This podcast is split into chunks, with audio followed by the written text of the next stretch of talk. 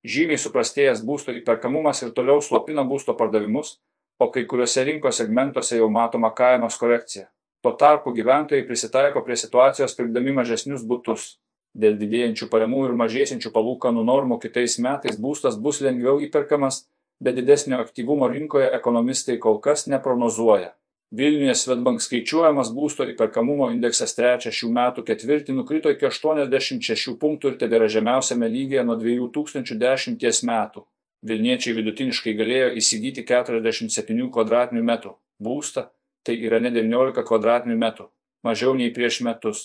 Pagrindiniai veiksniai neigiamai veikia būsto įperkamumo indeksą, buvo didelis pastarųjų metų kainų šuolis bei rekordiškai didėjusios Europos centrinio banko ECB bazinės palūkanų normos.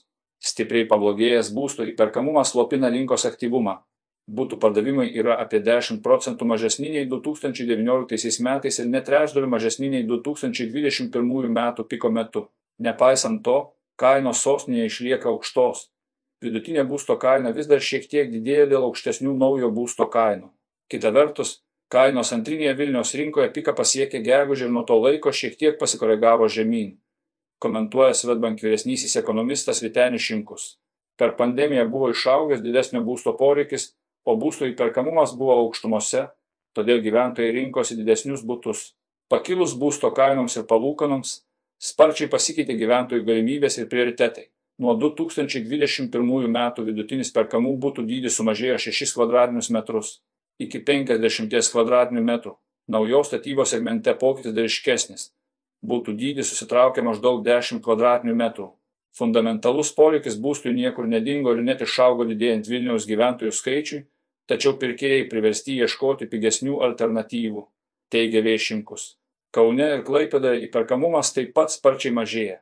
Kaune ir Klaipėdoje būsto įperkamumo indeksas krito daugiau nei Vilniuje, tačiau dėl santykinai neaukštų kainų išlieka aukštame lygyje. Šių miestų gyventojai galėjo įpirkti maždaug 70 kvadratinių metrų dydžio būtus pastarąjį dešimtmetį kaune būstas buvo labiausiai įperkamas iš didžiųjų miestų tačiau per porą metų vidutinei būsto kainai didėjus daugiau nei 50 procentų. Būsto įperkamumas blogėjo sparčiau nei Vilniuje ar Klaipėdoje. Klaipėdoje būsto įperkamumas per ketvirtį nežymiai mažėjo, bet vis tiek buvo aukščiausiais tarp didžiųjų miestų.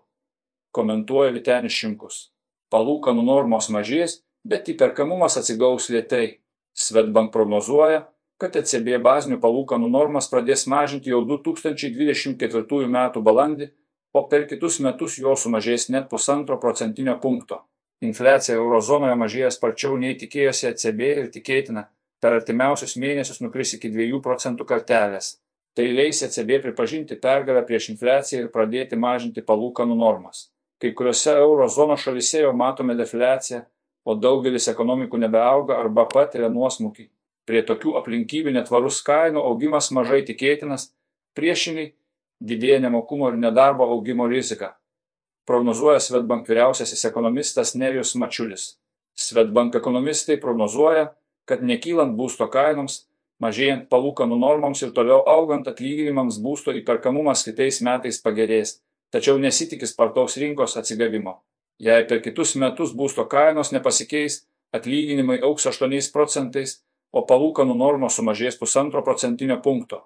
Tuomet vidutinės pajamas gaunantis Vilniečių įperkamo būsto plotas padidės 12 kvadratinių metrų. Vis tik net ir prie tokių teigiamų tendencijų įperkamumas vis dar išliks dešimtmečio žemumose, todėl sandorių skaičius turėtų išlikti šių metų lygyje, mano N. Mačiulis. Nuomos graža mažėja, darybinė gale pirkėjų rankose, Svetbank skaičiuojamas nuomos gražos rodiklis šių metų pabaigoje dar sumažėjo ir išlieka žemiausiame lygyje nuo 2011 metų. Šis rodiklis parodo, kokią dalį būsto kainos sudaro jo metinės nuomos pajamos. Vidutinė nuomos graža dabar Vilniuje siekia 5,0 procentus, Vilniaus senamestyje 4,2 procentus, o Kaune 5,6 procento. Tai yra maždaug procentinių punktų mažiau nei jos ilgalaikis istorinis vidurkis. Vienas iš būdų nustatyti tikrąją būsto vertę yra palyginti jo nuomos gražą su ilgalaikiu istoriniu vidurkiu. Istorinio vidurkio nebesiekianti graža rodo, kad būsto kainos atitrūko nuo nuomos kainų, o būstas yra galimai pervertintas. Tam, kad nuomos graža pakiltų iki istorinio vidurkio, būstas Vilniuje turėtų atpikti apie 15 procentų arba tiek pat turėtų padidėti nuomos kainos.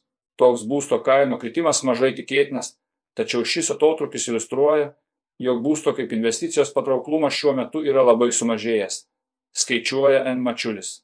Tuo tarpu Svetbank ekonomistų skaičiavimais, perkantiems būstą savo poreikiams įsigymo alternatyva vis dar šiek tiek patrauklesnė nei nuoma. Būsto paskolos įmokos ir identiško būsto nuomos kainos santykis yra rekordiškai aukštas. Nuomos alternatyva pastaraisiais metais tapo vis patrauklesnė. Taip atsitiko dėl to, kad būsto pardavimo kainos didėjo daug sparčiau nei jo nuomos kainos, bet to nuomininkų neprislėgė ir padidėjusios palūkanos. Dėrybinė galė išlieka pirkėjų rankose, daugelis renkasi nuomą ir laukia palankesnių rinkos sąlygų, komentuoja Nerijus Mačiulis.